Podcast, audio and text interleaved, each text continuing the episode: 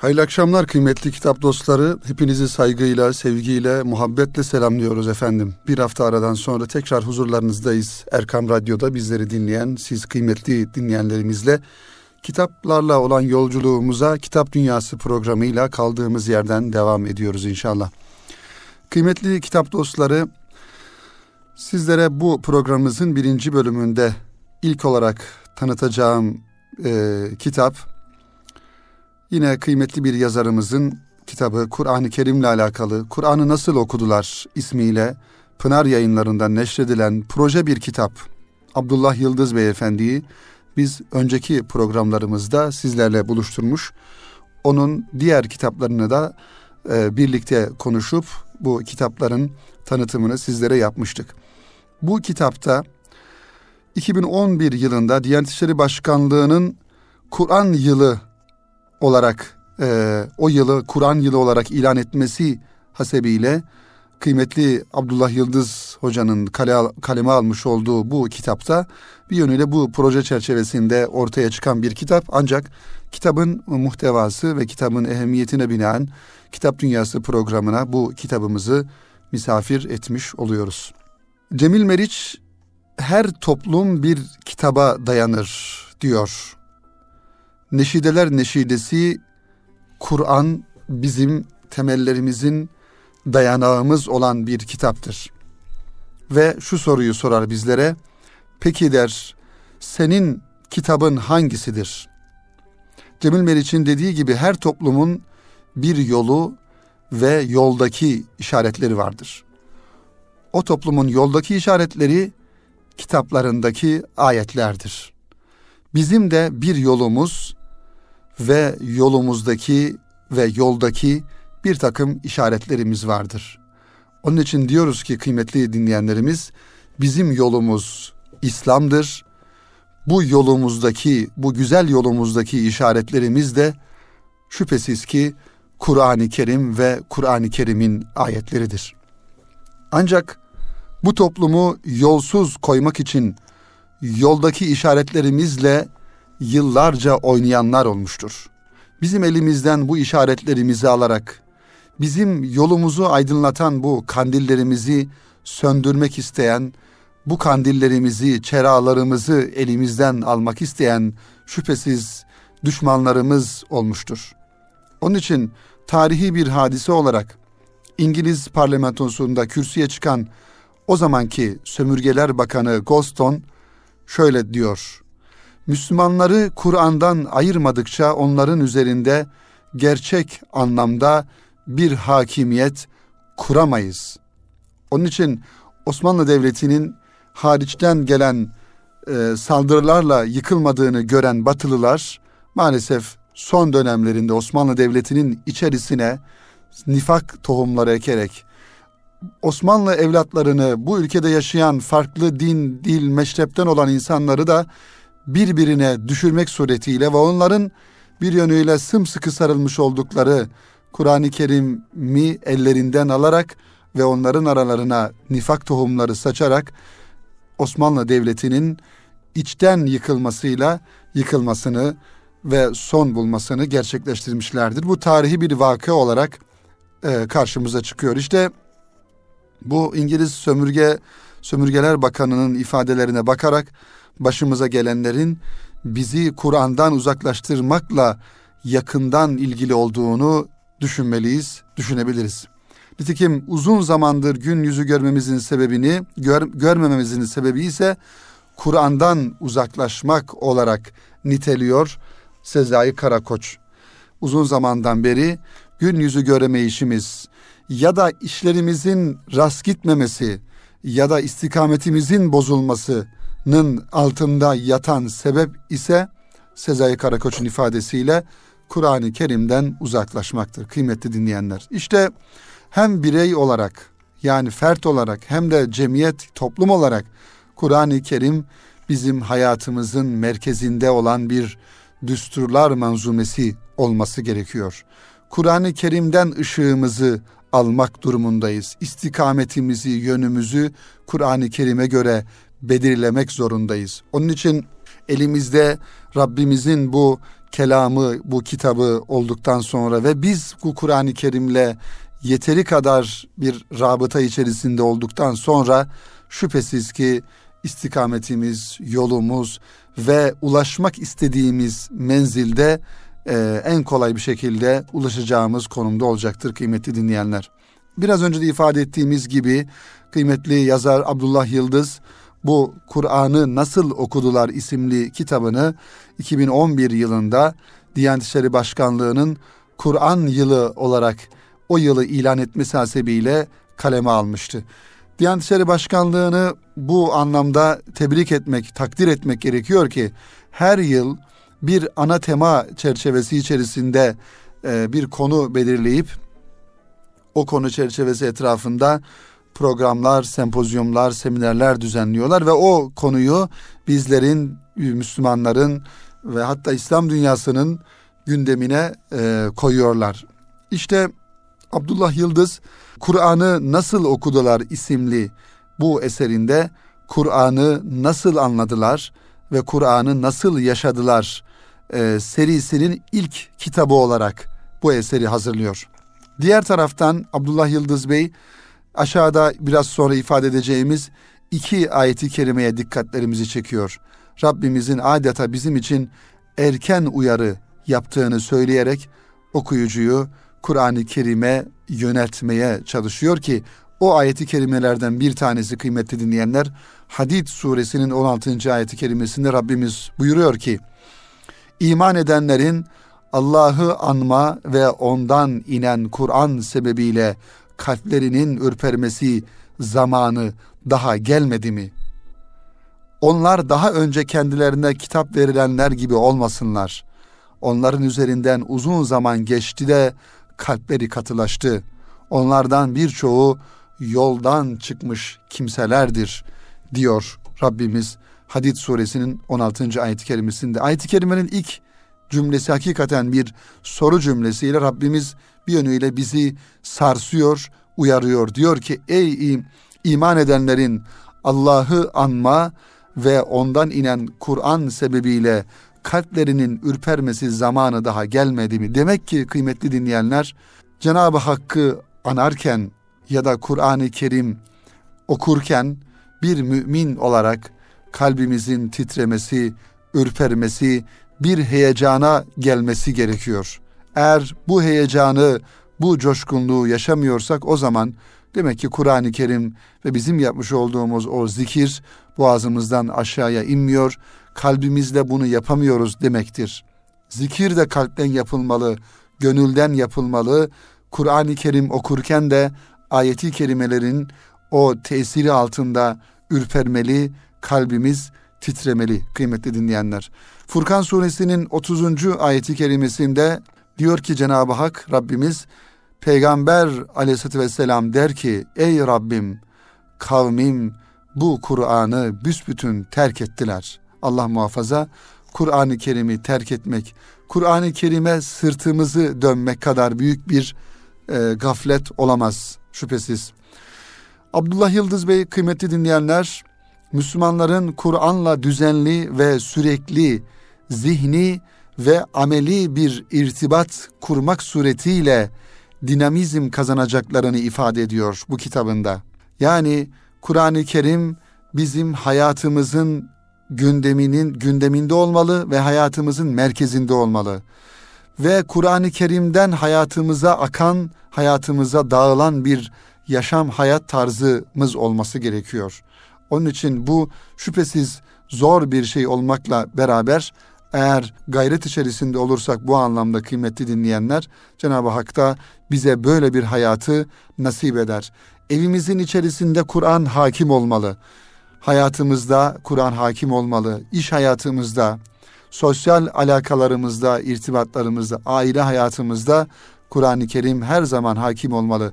Tabii Kur'an-ı Kerim'in kıymeti dinleyenler her ayetini, her suresini, her ifadesini e, anlamamız ve onu hayatımıza uygulamamız şüphesiz zor olacak ama Rabbimiz bu anlamda bize bir kolaylık olması açısından Efendimiz Aleyhisselatü Vesselam'ın hadisi şerifleri ve Peygamber Efendimizin sünnetini de belki bu yönüyle bir kolaylık olması açısından e, bir nimet olarak kabul etmek ve görmek gerekiyor. Kur'an-ı Kerim'den anlayamadığımız hususları Efendimiz Aleyhisselatü Vesselam'ın hayatına bakarak, uygulamalarına bakarak oradan görebiliriz kıymetli dinleyenler. Kur'an-ı Kerim'in Müslümanların azami müşterekleri olduğunu ifade ediyor aynı zamanda e, Abdullah Yıldız Hoca Efendi. Ve bu eserde kıymetli dinleyenler Kur'an ve hayat kelimenin yan yana olması ve birbirlerinden ayrılmaması gerektiği üzerinde ısrarla duruyor. Kur'an ve hayat ikisi hiçbir zaman birbirinden ayrı olmayacak. Hayatı yaşarken Kur'an'ı beraberinde yaşayacağız. Kur'an'ı yaşarken, okurken, öğrenirken bir tarafında da hayatımızın içinde olması gerektiğini düşüneceğiz. Çünkü Kur'an da bir hayat kitabıdır kıymeti dinleyenler. Yazarımız kitabında başta Resulullah Efendimiz olmak üzere sahabe ve tabi'in neslinin yani İslam'ı dünya gündemine taşıyan Müslümanları dünyada söz sahibi kılan neslin Kur'an anlayışlarına yer vermiş. Bizim de o saf anlayışlara duyarsız kalmamaya, kalmamamız gerektiğini ifade etmiş. Mesela şöyle bir tespitte bulunuyor e, yazarımız kıymeti dinleyenler. Tespitimiz o ki diyor, ümmet Kur'an'a ve aralarında ihtilaf etmeyen ilk nesillerin saf Kur'an yorumlarına döndükçe yine aralarında ihtilaf etmeyecekler ve e, bu anlamda tartışmaya düşmeyecekler. Ancak can yakıcı ihtilafları bugünlere taşımaya kalkışır da sonraki nesillerin bir diğerini tekfire varan yorumlarına yorumlarını öne çıkarırsa o zaman Müslümanlar arasında ümmet arasında ayrılıklar artacaktır. İlk nesillerin saf ve özgün yorumları, bakış açıları ve ölçüleri bu bakımdan oldukça önemli ve belirleyicidir. Yazarımız ilk nesillerin Kur'an'ı hem lafzıyla hem de manasıyla ele aldıklarını, lafzı manaya, manayı da lafa, lafıza kurban etmediklerini ifade ediyor. İlk nesillerin Kur'an'la ne kadar özdeşleştiklerini, onu öğrenmek için değil, yaşamak için nasıl okuduklarını çarpıcı bir şekilde ortaya koyuyor. Onları şöyle tasvir ediyor. Onlar sürekli olarak Kur'an'ı okur, Kur'an'ı konuşur, Kur'an'ı düşünür ve Kur'an'ı yaşarlardı. Kıraat gibi bazı teknik bilgiler kitabın formatına uyum sağlamazsa da eserde bu konulara da yer veriyor ve Kur'an'ın bir yönüyle teknik anlamdaki bilgilerine de bu kitap vasıtasıyla ulaşabiliyoruz kıymetli dinleyenler. Tabii Kur'an-ı Kerim mevzu bahis olunca değerli kitap dostları Efendimiz Aleyhisselatü Vesselam'ın Hazreti Ayşe annemizin ifadesiyle o yürüyen bir Kur'an'dı diyor Efendimiz için Ayşe annemiz sahabe-i kiramından bir tanesi hani gelip Efendimizin ahlakını e, annelerimize annemize sorunca o da diyor ki siz hiç Kur'an okumuyor musunuz? O yürüyen bir Kur'an'dı diyor. Onun ahlakı Kur'an ahlakıydı.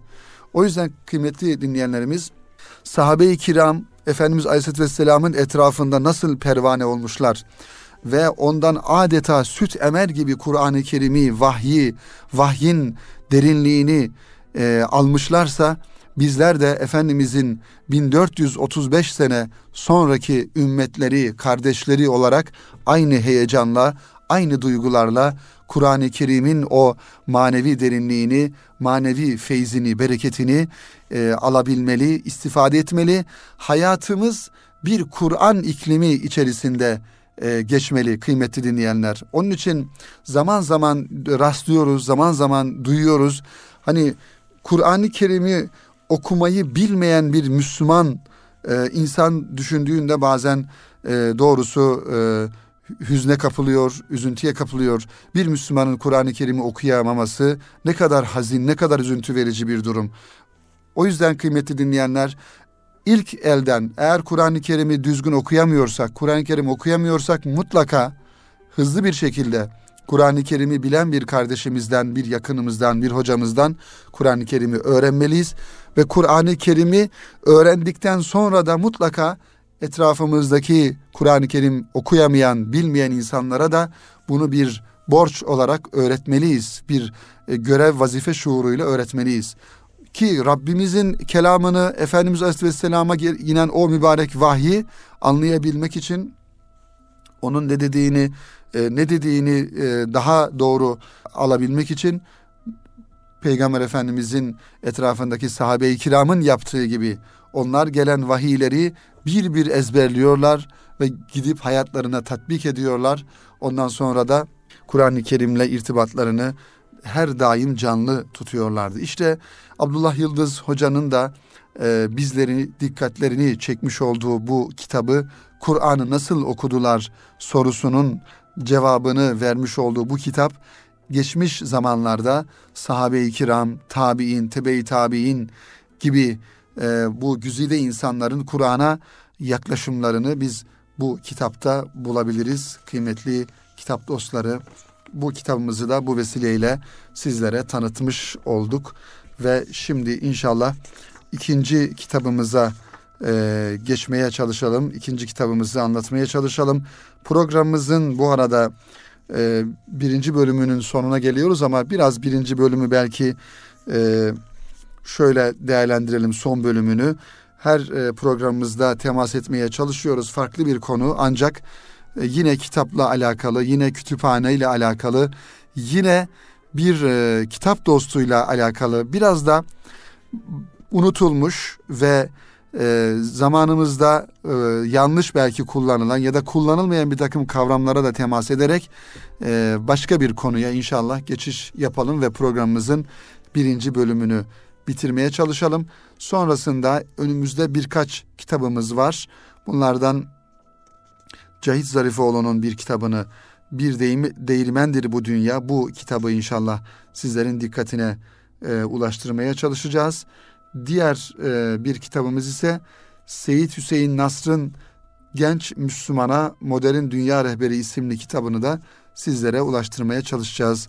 Kıymetli kitap dostları. Efendim Dursun Gürlek Hoca yaşayan önemli tarihçilerimizden bir tanesi. Bu e, bunu geçtiğimiz programlarda da e, zaman zaman temas ediyoruz bu konuya ve Dursun Gürlek Hoca'nın çok güzel bir kitabı var elimde. Ayaklı Kütüphaneler isimli kitabından bir zatın kısaca hayatına belki e, te, az bir şey temas edeceğiz ama bu zatın şahsında bazı kavramları sizlere e, ulaştırmaya çalışacağız inşallah. Bu 1883 yılında dünyaya gelen ve 1935 yılında vefat eden Muallim Cevdet ismiyle maruf bir zat. Tabi eski e, Osmanlı dönemindeki yazarları şöyle baktığımızda Muallim ismiyle başlayan farklı farklı yazarlar olduğunu görüyoruz.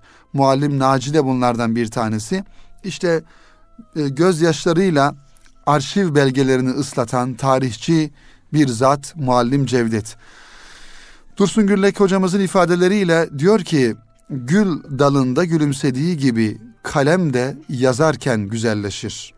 Hele usta bir yazarın eline geçerse coşkun bir ırmağa dönüşür.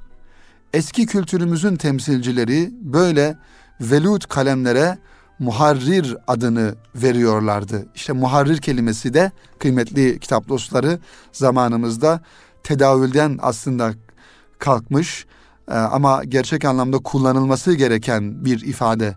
Birçok kelime zaman zaman buna temas ediyoruz.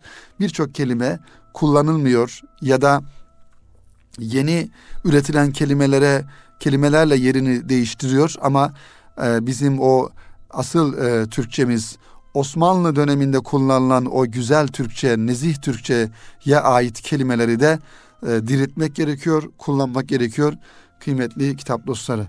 Bugün kompozisyon adıyla bilinen dersin dünkü adı tahrir idi. Resmi dairelerdeki yazı işlerini yürütenler ise tahrirat katipleriydi.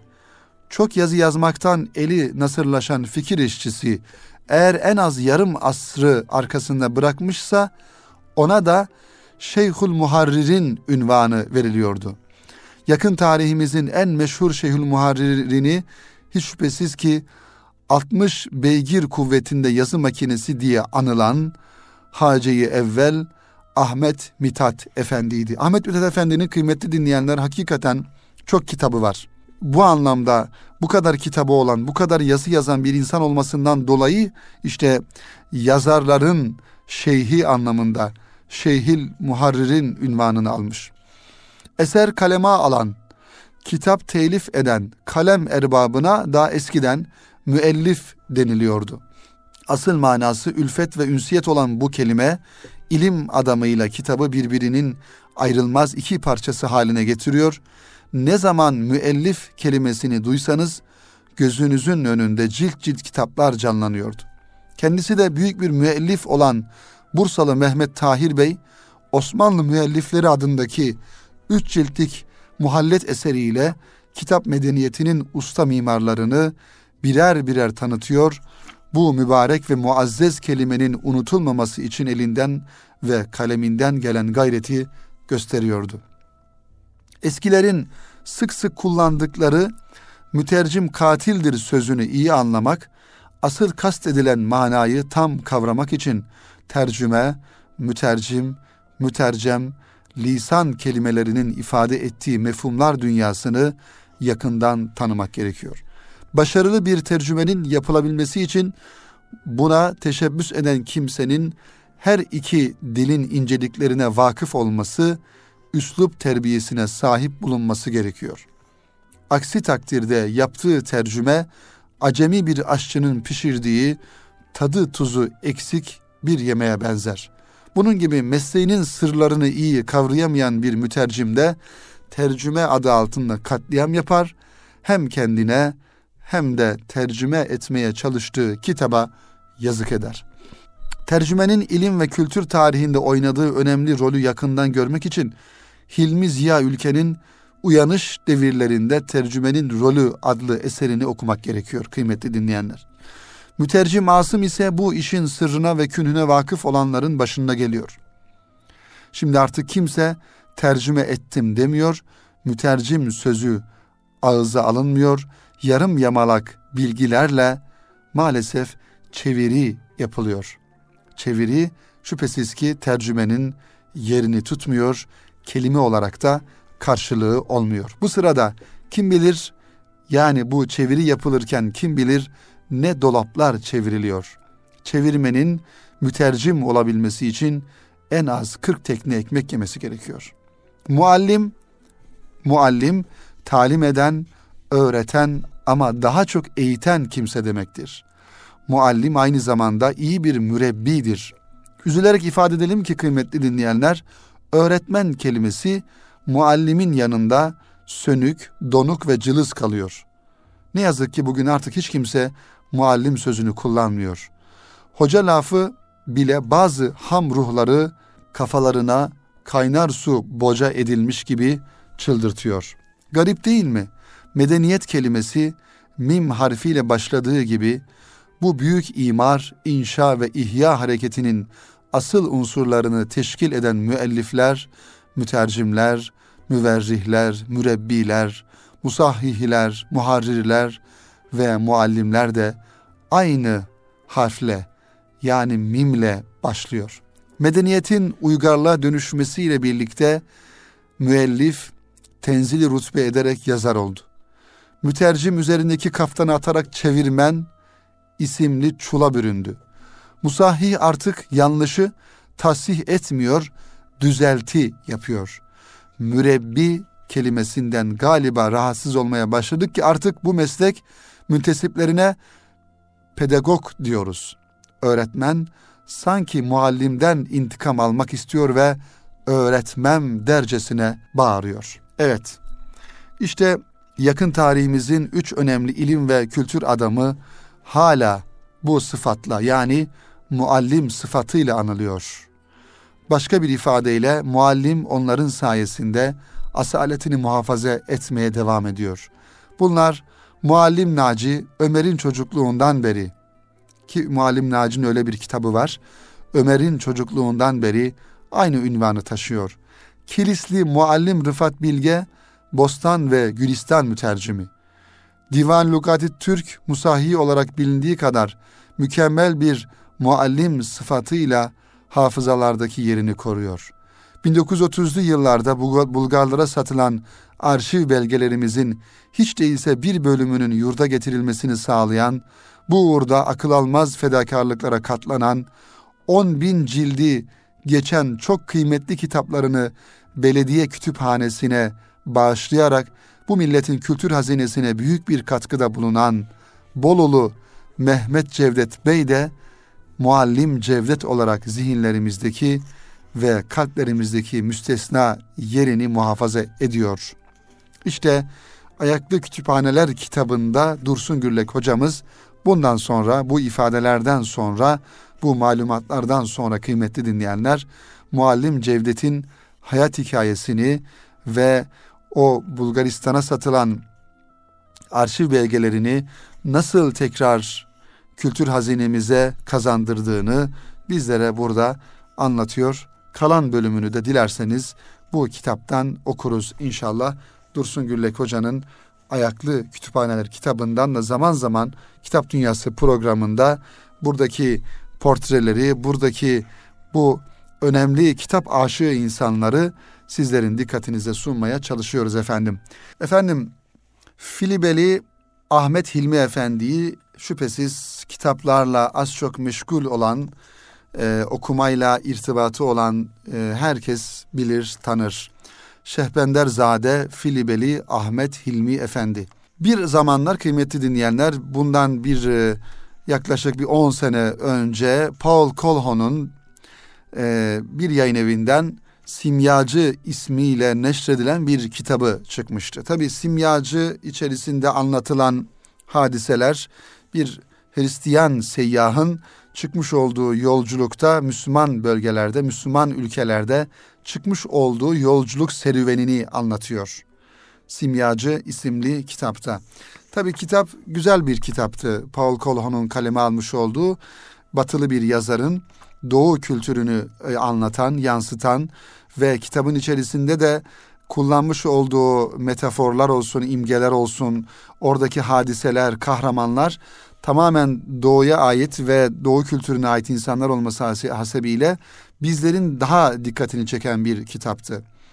Buradan şuraya geleceğim. Tabii ki Paul Colhoun'un bu Simyacı isimli kitabı önemli olmakla beraber aslında o kitaptan belki 100 yıl önce yazılmış olan ve biraz önce başka bir kitabını, biraz sonra başka bir kitabını sizlere takdim etmeye çalışacağım. Filibeli Ahmet İlmi Efendi'nin Gariplerin Kitabı isimli kitapta aslında yine bu anlamda bir arayış içerisinde olan bir insanın yolculuğunu, bir e, tasavvufi yolculuğunu anlatıyor. Tabii bu Paul Colhoun'un kitabı çıkmış olduğu, neşredilmiş olduğu yıllarda bir anda popüler oldu ve birçok insan okudu ama e, ve herkes hayranlığını dile getirmeye çalıştı. Ama aslında daha yakın bizim içimizden çıkan, bizim kültürümüze ait olan bir insanın yazmış olduğu bu Gariplerin Kitabı isimli kitapta şüphesiz e, daha e, ondan önce okunması gereken bir kitap. Buradan da bu kitabı zikredelim. Filibeli Ahmet Hilmi Efendi'nin Gariplerin kitabını e, e, mutlaka okumak gerekiyor e, diye ifade edelim kıymetli dinleyenler. Evet, şimdi 20. asırda alemi İslam ve Avrupa siyaseti ismiyle Büyüyen Ay yayınlarından çıkan bir kitap. Şehbenderzade Filibeli Ahmet Hilmi Efendi'nin e, kaleme almış olduğu bir kitap. Şöyle bir tanıtım yazımızı takdim ederek devam edelim. Bu eser yaralı bir kitabın inlemesidir diyerek eserine başlayan Şehbenderzade Filibeli Ahmet İlmi 20. asırda özelde Osmanlı Devleti'nin genelde ise tüm İslam coğrafyasının içerisinde bulunmuş olduğu buhranlı dönemi bariz bir şekilde bizim gözümüzün önüne sermektedir. Yazar eserinde sadece vakayı tespit etmekle kalmaz, aynı zamanda alemi İslam'ın içinde bulunduğu durumdan kurtulması için tavsiyelerde bulunur.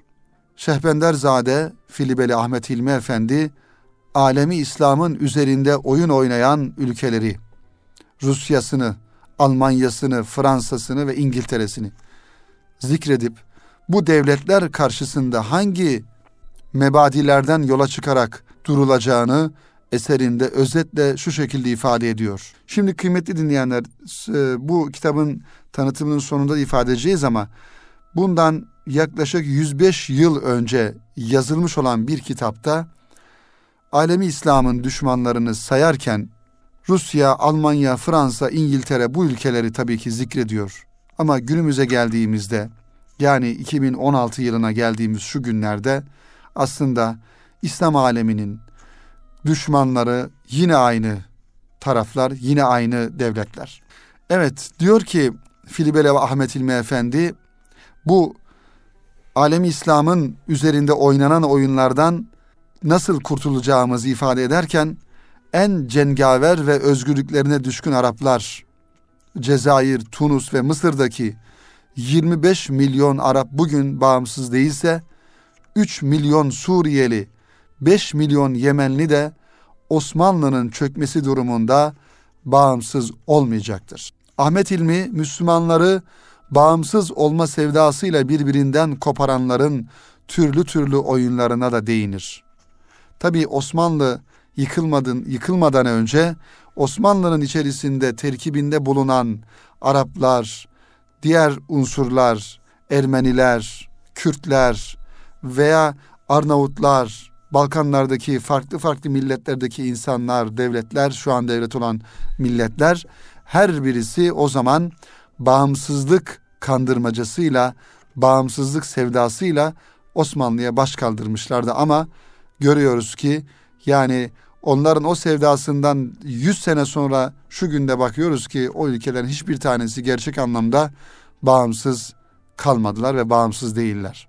Evet, bir Fransız askeri tabip olan Monsieur Vigne, Tunus'ta yapılan kıyımlara gönlü razı olmadığından istifa ettiğini anlatan Şehbenderzade, Monsieur Vigne Doktor'un gözüyle Fransa Millet Meclisi akbabalarının binlerce dönümlük arazileri nasıl kendi zimmetlerine geçirdiklerini de isim isim anlatır bu kitabında.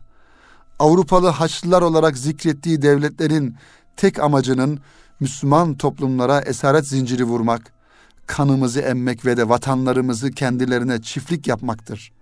Şehbenderzade Filibeli Ahmet Efendi bu durumdan kurtulmanın reçetesini adeta ta o yıldan haykırarak şöyle ifade ediyor. Ey kardeşler, ey Müslümanlar, ey adalet ve felahı isteyen bütün insanlar, harimi emele doğru birlikte gidelim, birleşelim, hakkı tebcil, adaleti takdiz, müsavatı tekrim, hürriyeti tazim edelim. Kahır ve zillet esasları üzerinde kurulan sahte medeniyeti atalım, adalet ve kardeşlik üzerine hakiki bir medeniyet kuralım. Hak bizimledir, hakka güvenelim. İnsanlık vazifemizi yapalım. Ya şanlı hayat ya da şanlı ölüm diyor. O zamanki haykırışında kıymetli dinleyenler. Filibeli Ahmet İlmi Efendi dünya siyasetinde adından sıkça söz ettiğimiz İngil İngiltere hakkında da şunları söylüyor. İngiltere'nin en müthiş donanması hile ve ifsat ve en kuvvetli ordusu esir kavimlerdeki ahlak bozukluğudur. Bizi tehdit eden ne Avrupa'nın orduları ne de donanmalarıdır.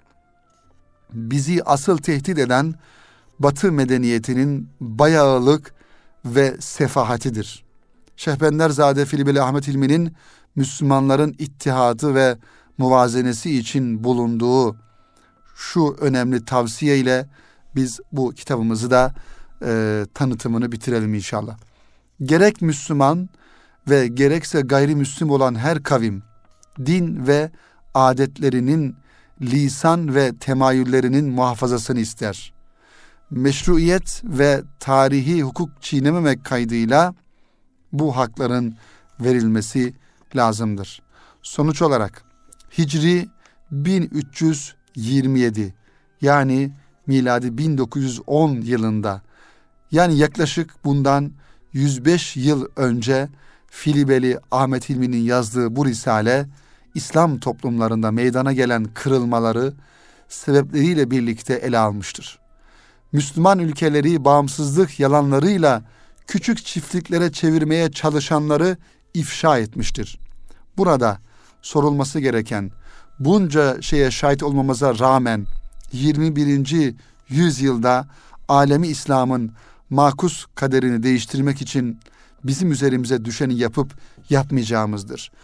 Buradan şunu da ifade etmek gerekiyor kıymetli kitap dostları. Bugün ülkemizin etrafında oluşturulan bu ateş çemberi ve ülkemizin sınırları içerisinde oluşturulmak istenen bir ateş çukuru. Bunun için malzeme olan, buna kukla olan, buna maşa olan insanlara da buradan seslenmek gerekiyor ki bu sevdaların boş olduğu ve bu kendilerini maşa olarak kullanan güçlerin asıl maksatlarının işte bundan yüz yıl önce nasıl ki Osmanlı Devleti'ni yıkmaya çalışarak onun içerisinde bulunan farklı milletleri, milliyetleri, unsurları bağımsızlık sevdasıyla nasıl kandırmışlarsa aynı oyunlar, aynı oyuncular ve aynı kuklalar bugün de devam ediyor. 2016 yılına geldiğimiz bugünlerde de devam ediyor. O yüzden millet olarak, e, toplum olarak, ülke olarak, fert olarak bu konularda en azami derecede uyanık olmamız gerekiyor kıymetli kitap dostları.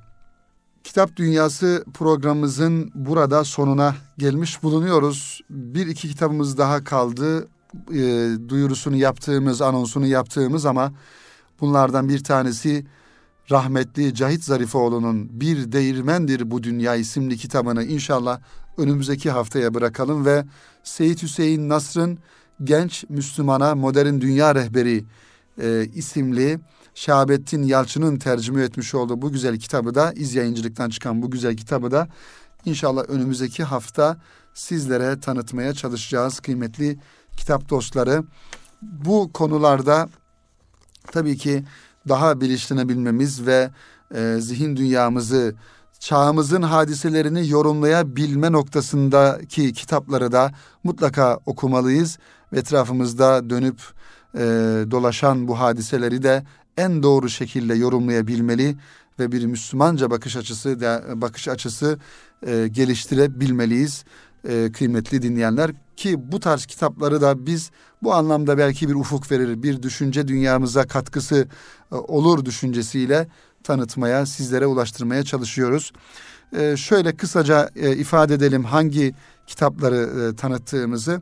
Birinci bölümde e, sizlere ulaştırmaya çalıştığımız Abdullah Yıldız'ın Pınar yayınlarından çıkan Kur'an'ı Nasıl Okudular isimli kitaptı kıymetli dinleyenler. Ve arkasından Dursun Gürlek hocamızın Ayaklı Kütüphaneler isimli kitabından bir bölüm aktarmaya çalıştık. Orada e, Muallim Cevdet'in şahsında bir takım değişen kavramları, o kavramların asılları nasıldı, nasıl kullanılıyordu onlara temas etmeye çalıştık. Ve son olarak da Şehbenderzade Filibeli Ahmet Hilmi Efendi'nin 20. asırda alemi İslam ve Avrupa siyaseti isimli kitabı tam bundan 105 yıl önce yazılan bir kitap ama hala güncelliğini, hala canlılığını koruyan bir kitap olarak sizlerin dikkatinize sunmuş olduk kıymetli dinleyenlerimiz. Efendim Kitap Dünyası programının burada sonuna gelmiş bulunuyoruz. Bizleri radyoları başlarında dinleyen bütün dinleyenlerimize sevgilerimizi, saygılarımızı, muhabbetlerimizi gönderiyoruz ve her zaman olduğu gibi bütün kitapları tek bir kitabı daha iyi anlamak için okumamız gerektiğini tekrar hatırlatıyoruz. Hepinize hayırlı akşamlar, hayırlı günler diliyoruz efendim.